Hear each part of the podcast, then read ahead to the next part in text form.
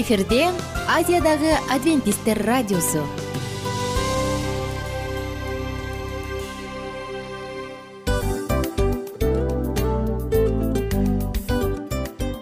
Достор салют. Баардык сүйүктүү угармандарыбызга салам айтабыз. Кутман күнүңүздөр менен.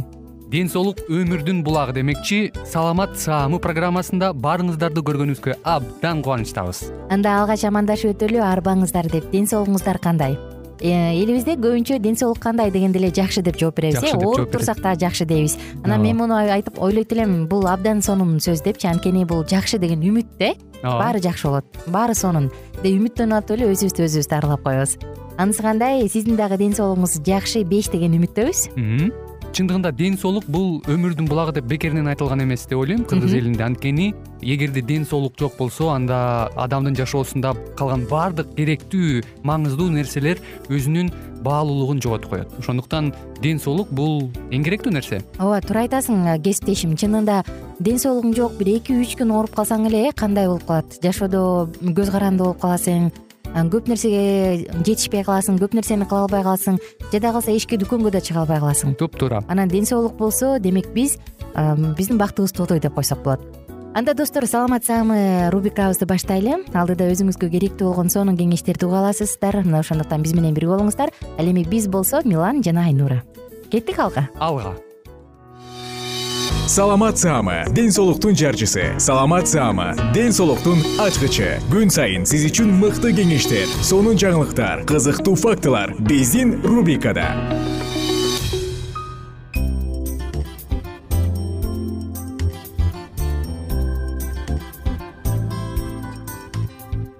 Салют достор кандайсыздар? Биздин сүйүктүү угармандарыбыз жалпыңыздар менен амандашып кайрадан саламат саама рубрикасындабыз. Жана бүгүн сиздер менен хеликобактер гастрити деп аталган сонун теманын үстүнөн сөз кылалы.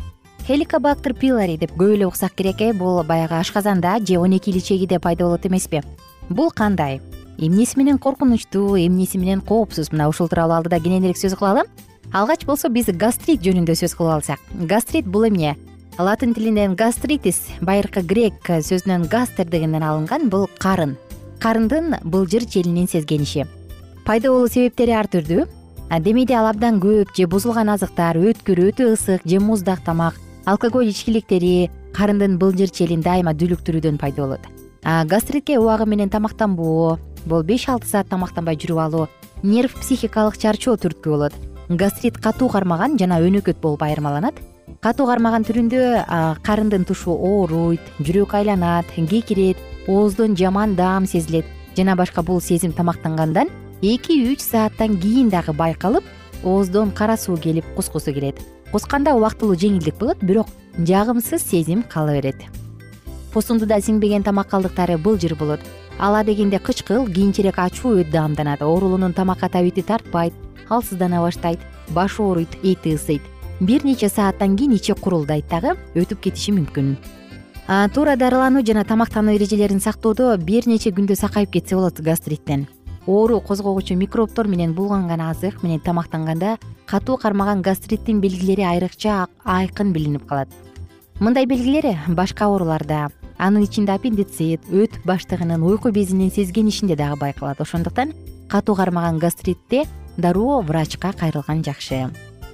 Өнөкөт гастрит бар. Өнөкөт гастрит жөнүндө эмнени айтабыз? Дайыма тамактануунун тартибин бузуу. Иретсиз жана ашыкча тамактануу өткүр абдан ысык тамакты шашып ичүү чала чайноо тамак ичип жатканда сүйлөө же окуу тамак сиңирүүчү маңызын бөлүшүнү начарлатат. Өнөкөт гастрит пайда болот. Анан алкоголь ичимдиктерин көп ичүү дагы карындын былжыр челин дүүрүктүрөт өнөкөт гастритке алып келет. Ошондуктан тамеки арак деген нерседен алыс болгон жакшы. Тамекини да айта кетейинчи бул дагы көп учурда гастриттин себеби болот. Өнөкөт гастритке дарыны өз алдынча врачка кеңешпей ичүү аспирин бутадион жана башка ушул сыяктуу оорулар бар.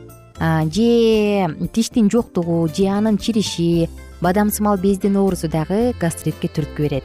Өт баштыгынын боордун уйку безинин оорулары гастритти улантат мына ушундай достор. Өнөкөт гастриттин белгилери ар түрдүү. Демейде баягы төштүн айбалкасы карындын тушу. Ооруйт ичке бир нерсе толуп барсайып калгандай сезилет кекирет зарына болот ичи катат же өтөт. Өнөкөт гастрит менен ооругандар такай врачтын көзөмөлүн жана дарылоосун талап кылат. Дарыланууда врач сунуш кылган диетанын мааниси чоң ошону менен бирге физиотерапиялык процедуралар дары дармек санаторий курортторго дарылануу дагы сунушталат. Гастриттин алдын алыш үчүн тамакты ар дайым бир маалда ичиш керек. Азыкты туура сактап туура бышырыш керек. Эски өтө ысык тамакты ичпеш керек. Ачуу татымалдарды аз колдонуу оорусун өз убагында дарылоо ичкилик ичпөө жана тамакты ашык жебөө дагы маанилүү. Заманбап диагностикалык методдор тез жана ден соолугуна жана каржы боюнча минималдуу чыгымдар менен айыктырууга болот. Алгачкы стадиясында ооруну аныктоого мүмкүндүк берет. Баардык эмне керек үзгүлтүүсүз болсо ошонун баарын өтүшү керек. Хеликобактер гастрити жөнүндө сөз кылсак жогоруда айтылгандай хеликобактер пилари бул он эки эли чегиде же ашказанда болот эмеспи ошондуктан.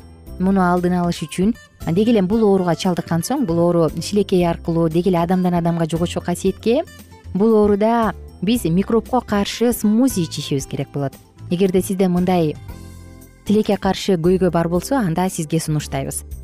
Көптөгөн тамак сиңирүүдөгү көйгөйлөр ашказандын тамак сиңире албагандыгы ашказандын жарасы булардын баардыгы тең ачык бактерия менен байланыштуу. Алар ашказандын стенкаларында көбөйөт бул бактерияны айыктырыш үчүн көбүнчө баягы антибиотик менен амипразолду көбүрөөк колдонушат.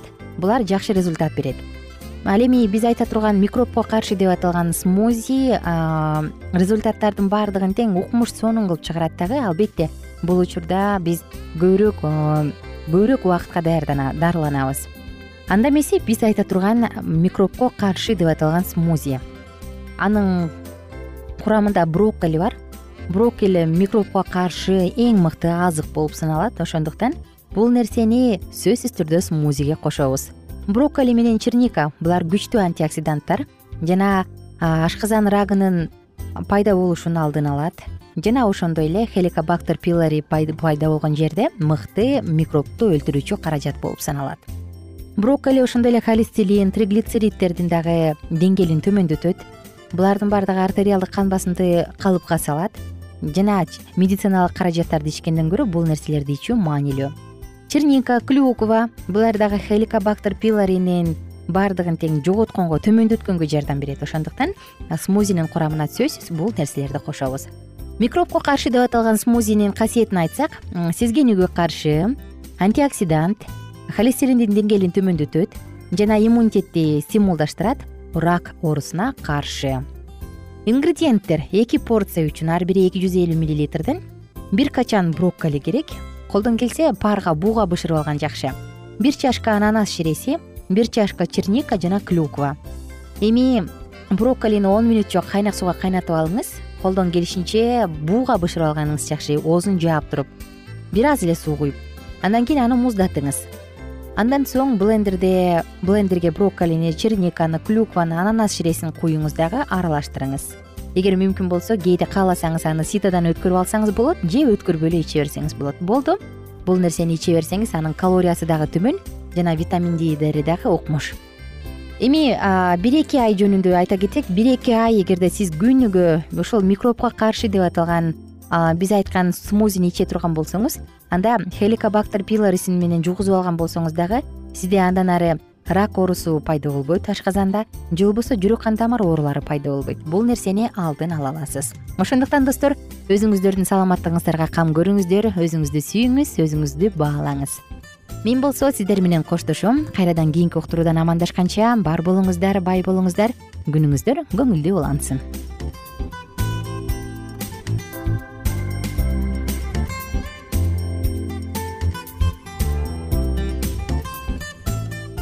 кененирээк маалыматтар үчүн үч w чекит саламат чекит клуб сайтына келип таанышыңыздар. Жана андан тышкары социалдык тармактарда youtube facebook жана instagram баракчаларына катталыңыз. Саламат саама ден соолуктун жарчысы. Саламат саама ден соолуктун ачкычы. Күн сайын сиз үчүн мыкты кеңештер сонун жаңылыктар кызыктуу фактылар. Биздин рубрикада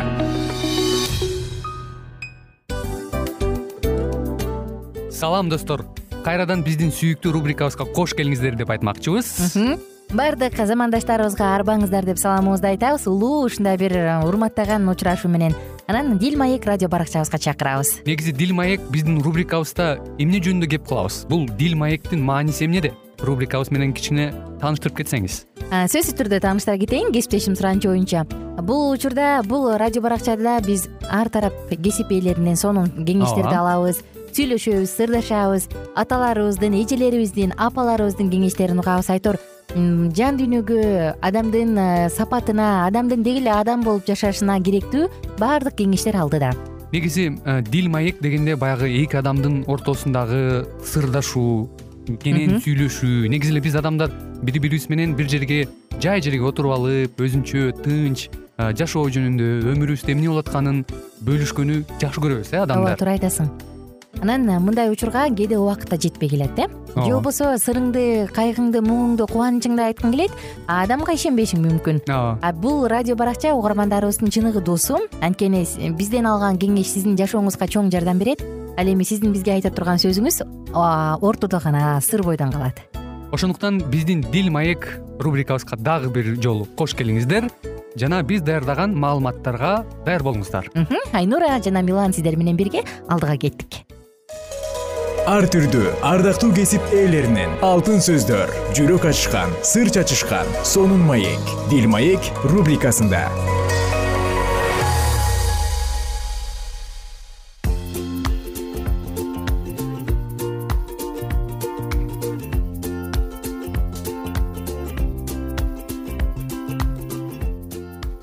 салют достор. Кандайсыздар угармандар? Жалпыңыздар менен кайрадан дил маек уктуруусундабыз. Жана бүгүнкү тема ребека өз тагдырынын кожоюну деп аталат. Эсиңизде болсо биз аял жубай жана эне деген циклды улантуудабыз. Бул китептин алкагында тарыхта калган аял заты тарыхта чоң из калтырган аял заттарынын аялдардын тарыхы жөнүндө сөз кылып атканбыз. Мурунку уктуруубузда ребека жөнүндө сөз кылганбыз. Ыбрайымдын айтымы боюнча анын кулу өзүнүн туулуп өскөн жерине барып уулу ыскакка аял тандап келе жатат. Ал кыздын аты ребека эми бул тууралуу уланталы. Ыскак картайып көзү начарлап калганда тун уулу эйсапты чакырды. Ошондо эйсап атасы берген бата үчүн жакыпты жек көрүп калды. Ребека улуу баласы эйсаптын атасынын чатырына бара жатканын көрүп калды. Ошол замат анын жүрөгүндө шектенүү пайда болду. Бул экөө эмне жөнүндө сүйлөшкөнү жатышат ооба. Ал мындан көп жыл мурун кудайдан берилген белек катары кабыл алган күйөөсүн аңдый баштады. Ыскак экөөнүн ортосунда мурункудай жылуу мамиле жок. Алардын үй бүлөсү ажырагыс бир бүтүндүктү түзбөй экиге бөлүнүп калган. Үй бүлөнүн бир бөлүгүн ыскак менен эйсап экинчи бөлүгүн жакып менен ребека түзүп калды. Ыскак экөөнү балдары бөлүп салган өңдүү. Уулдары бири биринен күн менен түндөй айырмаланып турчу. Эйсап өңү серт жигит. Сырткы келбети кандай болсо мүнөзү да ошондой орой. Ал эркин жашоону жактыра турган. Эйсап атасынын сүйүүсүнө арзып алган.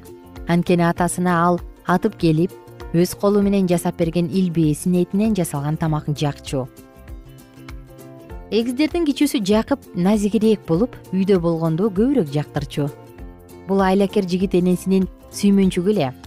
Ыскак менен ребеканын ортосундагы сүйүү эбак муздап калган. Экөө бири биринен эбак эле алыстап калышкандай. Көптөн күткөн уулдарынын төрөлүүсү өз сүйүүлөрүн сактап кала албаган аял менен эркекти бириктире алган эмес. Алардын бири бирине болгон ысык сүйүүсү балдарына өткөн. Алар бүт жүрөгүн уулдарына арнап коюшкан. Атасы эгиздердин улуусун энеси болсо кичүүсүн тандап алган. Ребеканын жакыпка болгон сүйүүсү балдар төрөлө электе эле айтылган кудайдын сөздөрүнө негизделгени чын. Бирок азыр ребеканын өткөн күндөр жөнүндө ойлогонго убактысы жок. Ал жакыптын келечегин ойлонуу менен алек. Сүймөнчүк баласы жакыптын келечеги коркунуч алдында турат. Бирок бул кудай элинин күйөөсүнүн жана берки уулунун келечегине да тиешелүү экенин ал ойлоду бекен кандай болгон күндө да ал өз пландары жөнүндө кудайдан кеңеш сурааны ойлогон эмес. Анткени кудай келечек жөнүндө таамай убадаларды берген. Ал учурда ребека сексен жашка чамалап калган бирок акылы тунук бойдон болчу. Анан ушул улгайган аял чатырдын жанына келип күйөөсүнүн уулуна айткан сөздөрүн жашыруун тыңшап турду. Жүз жаштан ашып калган ыскак өлөрүнө аз калганын билип акыркы кирезин айтып калууну ойлоп жаткан. Ыбрайымдан өткөн кудайдын батасын ал кудайдын сөзүн бузуп улуу баласына берүүнү каалады. Ата менен уулдун ортосундагы мындай салтанаттуу акт ал учурда үй бүлө менен чогуу тамактанып отурган учурда кылына турган эле. Ребека мында бир мандем бар экенин сезип тыңшап калды. Балдар төрөлө электе эле кудай улуусу кичүүсүнө кул болот деп айтпады беле ыскактын туура эмес иш аракеттеринин айынан кудайдын тандалганы четте калат. Буга таптакыр жол берилбеши керек. Ребека жашап өткөн жылдарына сарешип салып туруп кудай эмне үчүн жакыпты сүйгөнүн түшүндү? Исап кудайдын осуяттарына олуттуу мамиле кылбаганын көрсөтүп койду. Ал кудай алдында ыйык болуп эсептелген туңгучтук укугун эч ойлонбостон туруп жасмыктан жасалган тамакка сатып жиберди аялды болсо бутпарас кыздарынан алды. Балким ал ата энесинин жашоосун карап алардын никеси кемтиксиз эмес экенин көргөндүктөн аялды өз элинен алгысы келбегендир. Бул аркылуу ал ата энесин кайгыга салды. Туңгучтуктун укугун алуу үчүн жакып митаамдык менен жана айлакерлик менен иш кылды. Бирок эмнеси болсо да ал бул укукка ишене турганын жана аны баалай турганын көрсөттү. Бул жагынан ал бир тууганына караганда кудайга жакын эле мурда балдар үчүн тынчсыздануу ата энелерди сыйынууга үндөй турган. Ребекканын боюна бүтүшү ыскактын сыйынуусунун натыйжасы эмеспи? Курсагындагы эгиз балдарды туулай элек жатып эле бири бирин менен тепкилеше баштаганын байкаганда ребека өзү да кудайга сыйынган эмес беле. Бул эки жагдайда тең библия жубайлардын бири жөнүндө гана айтканы таң калыштуу. Бул жубайлардын бири биринен алыстап кеткендиги бири бири менен ой бөлүшүүнү адат кылбагандыгынын айынан болуп жүрбөсүн. Шамдагай акылдуу ребека жоош жана өзүнөн бир топ жаш улуу ыскакты чындап эле сүйгөн бекен ал эми аны сүйгөн ыскак анын сүйүүсүнө арзуу үчүн аракет кылдыбы экен? Балким алар үй бүлөдөгү биримдиктин жетишсиздигинин айынан уулдарын жан дили менен жакшы көрүп калышкандыр. Жубайлардын бири бирине каршы тургандыгы бири жакшы көргөн баланы экинчиси четке каккандыгы менен түшүндүрүлөбү кудай сөзү алардын ар бири үчүн маанилүү болгондуктан алар бири биринен алыстап кетишкенби. Үй бүлө эки жубай тең никеде өз милдеттерин аткара билген учурда гана бактылуу болот. Кудай адамдарды аялды да күйөөнү да бирдей көрөт бирок алардын ар бирине ар башка жоопкерчилик жүктөгөн күйөө үй бүлөнүн башчысы болуп эсептелет. Ал аялы үчүн жоопкерчиликтүү. Ал кудай сөзүнө ылайык аялын сүйүп башкарышы керек. Аны урматташы коргошу керек. Анткени аял алсызыраак. Аял күйөөсүнө тил алчаак болушу керек. Бул анын жетегине баш ийип ага ыңгайлашууну билдирет. Ардактуу угарман кадырлуу замандаш биз бул окуяны андан ары улантабыз. Жогоруда ребека чатырдан акырын тыңшап анан атасы уулуна улуу уулуна батасын берген атканын укпадыкпы эми андан ары окуя эмне болот? Батаны улуусу алабы эгиздердин же кичүүсү алабы бул тууралуу албетте кийинки уктурууда угабыз бирге тыңдайбыз да. Ошондуктан жалпыңыздарды кийинки уктурууга чакырмакмын. Кайрадан амандашканча достор күнүңүздөр көңүлдүү улансын. Эч нерсе маанайыңызды чөгөрбөсүн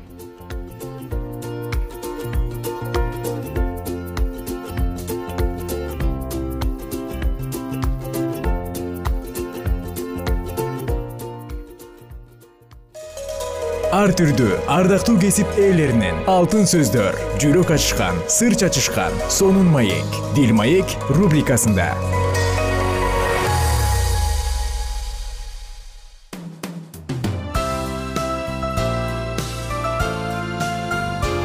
Эфирде азиядагы адвентисттер радиосу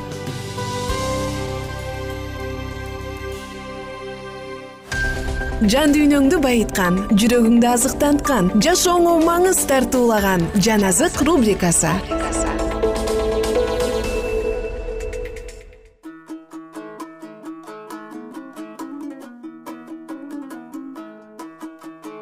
Кутман кушубак күнүңүздөр менен салют достор. Жалпыңыздар менен амандашып жан азык уктуруусун баштадык. Бүгүн сиздер менен бирге жан азык уктуруусунда инжил китебинен элчилердин иштерин окуйбуз мурунку уктуруубузда бир аз болсо да эстей кете турган болсок пабыл менен барнабаны кудайдын сөзү менен кудайдын сөзүн жүйүттөргө бутпарастардын баардыгына айтып берип жаткандыгын укканбыз.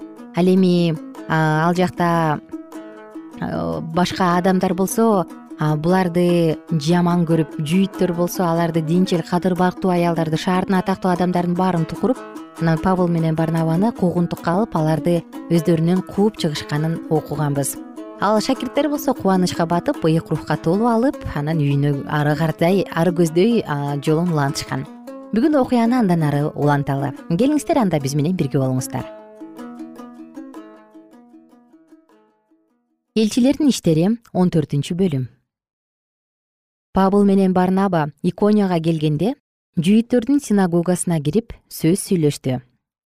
Ошондо көптөгөн жүйүттөр менен эллиндер ыйсага ишенип калышты ал эми ишенбеген жүйүттөр бутпарастарды бир туугандарга каршы тукуруп кыжыртантышты ошондой болсо да ал экөө ал жерде бир топ убакыт болуп теңир жөнүндө кайраттуулук менен айтып жүрүштү. Теңир болсо өзүнүн ырайымы жөнүндөгү сөзүн күбөлөндүрүү үчүн алардын колдору аркылуу ажайыптар менен кереметтерди көрсөтүп жатты. Бирок шаардын эли экиге бөлүндү. Элдин бир бөлүгү жүйүттөр тарапта экинчи бөлүгү элчилер тарапта болду. Эки элчини шылдыңдап ташбаранга алыш үчүн бутпарастар менен жүйүттөр өздөрүнүн башчылары менен бирдикте аларды көздөй бет алышты. Алар бул жөнүндө билип калып лукония дубанынын листра жана дербе шаарларына алардын чет жакаларына кетип калышты да ошол жерлерде жакшы кабар таратып жүрүштү. Листрада буттары кыймылдабаган бир адам олтурчу ал тубаса майып болчу. Өмүрүндө эч качан баскан эмес. Ал пабылдын сөзүн угуп отурган. Пабыл аны карап айыгарына ишенерин көрдү да үнүн бийик чыгарып мындай деди. Теңир ыйса машаяктын атынан сага айтамын ордуңдан тур ал ошол замат ордунан ыгып туруп баса баштады. Пабылдын эмне кылганын көргөн адамдар лукониялыктардын тилинде кудайлар бизге асмандан адам бейнесинде түшүп келишти деп кыйкырып жатышты. Анан барнабаны зевс деп ал эми пабылды эрмес деп аташты. Анткени негизинен пабыл сөз сүйлөп жаткан эле. Алардын шаарынын алдында турган зевс бурканынын кызматчысы дарбазанын алдында өгүздөрдү жана гүл чамбарларды алып келди да эл менен бирдикте курмандык чалмакчы болду. Бирок элчилер барнаба менен пабыл муну укканда өз кийимдерин айрып элдин ортосуна жулунуп кирип катуу үн менен мындай дешти. Эркектер эмне кылып жатасыңар? Биз силерге эле окшогон адамдарбыз. Ушул жасалма кудайлардан бурулуп асман менен жерди деңизди жана алардын ичиндеги бардык нерселерди жараткан тирүү кудайга кайрылышыңар үчүн биз силерге жакшы кабар айтып жатабыз. Ал өткөн кылымдарда бардык элдердин өз жолдору менен жүрүүсүнө жол берген ошого карабастан ал жакшы иштери аркылуу өзү жөнүндө күбөлөндүргөнүн токтоткон эмес. Ал силерге асмандан жамгыр жаадырып түшүм берип тамак аш менен камсыз кылып жүрөгүңөрдү кубанычка толтуруп келген. Анан ушул сөздөрдү айтып элди курмандык чалдырбай үйлөрүнө тарап кетүүгө араң көндүрүштү өздөрү ошол жерде калып элди окутуп жатышканда антиохия менен икониядан жүйүттөр келишти. Элчилер кайраттуулук менен жакшы кабар айтып жатышканда алар булардын эч бир сөзү чындык эмес булар жалган айтып жатышат деп элди алардын жанынан кетүүгө көндүрүштү. Анан алар элди тукуруп пабылды таш бараңга алышты да өлдү деп ойлоп шаардын сыртына сүйрөп чыгарып салышты. Шакирттер пабылдын тегерегине чогулуп калышканда ал ордунан туруп шаарга кирди. Эртеси күнү барнаба менен бирге дербеге жөнөп кетти. Анан бул шаарда жакшы кабар таратып бир нече адамды ыйсанын шакирти кылышкандан кийин кайрадан листраны иконияны жана антиохияны аралап шакирттерди бекемдеп ишенимден баш тартпоону насааттап кудайдын падышачылыгына көптөгөн кыйынчылыктар аркылуу киришибиз керек деп окутуп жүрүштү. Анан алар ар бир жыйынга башчыларды дайындашты да орозо кармап сыйынып аларды өздөрү ишенген теңирге тапшырышты. Андан кийин писидияны аралап өтүп памфилияга келишти. Пергеде теңирдин сөзүн жарыя кылышкандан кийин аталыя шаарына келишти. Ал жерден антиохияга сүзүп кетишти антиохияда алар өздөрүнө берилген тапшырма боюнча кудайдын ырайыма тапшырылышкан эле.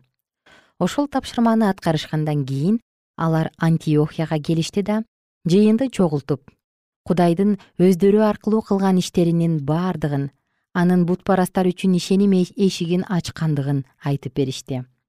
Алар антиохияда шакирттер менен бир топ убакыт бирге болушту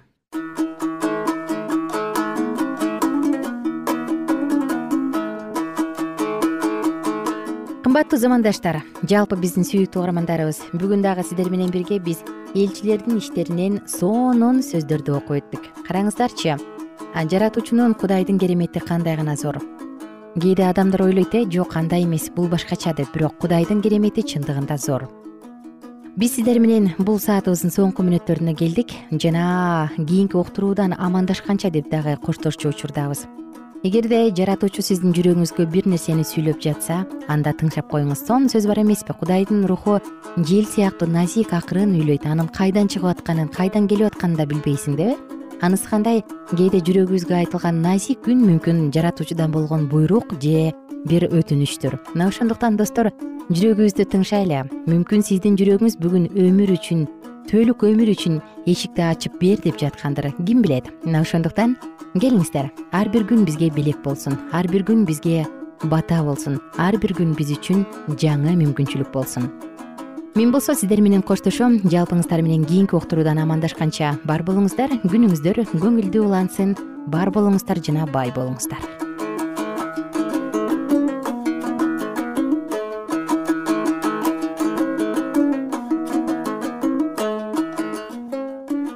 эгер сиздерде суроолор болсо же көбүрөөк маалымат билем десеңиз анда биздин whatsapp номерибизге жазыңыз. Плюс бир үч жүз бир жети жүз алтымыш алтымыш жетимиш. Кайрадан плюс бир үч жүз бир жети жүз алтымыш алтымыш жетимиш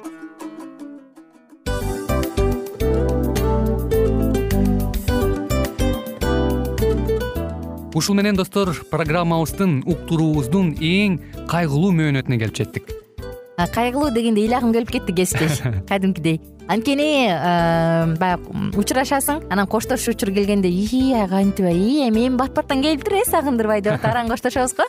Анысы кандай угармандарыбыз менен коштошчу учур келди кийинки уктурууларды сагыныч менен жүрөгүбүздө кусалык менен күтөбүз жалпыңыздарды анан жарым сааттык уктуруу көз ачыш умганча өтүп кетти.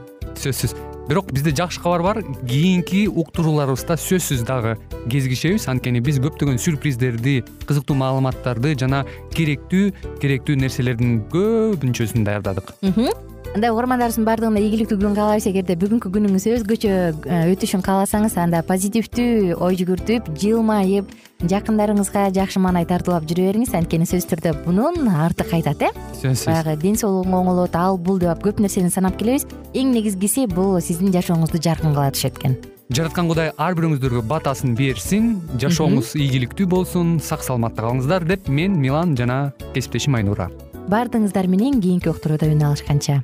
Баарыңыздарга ийгилик каалайбыз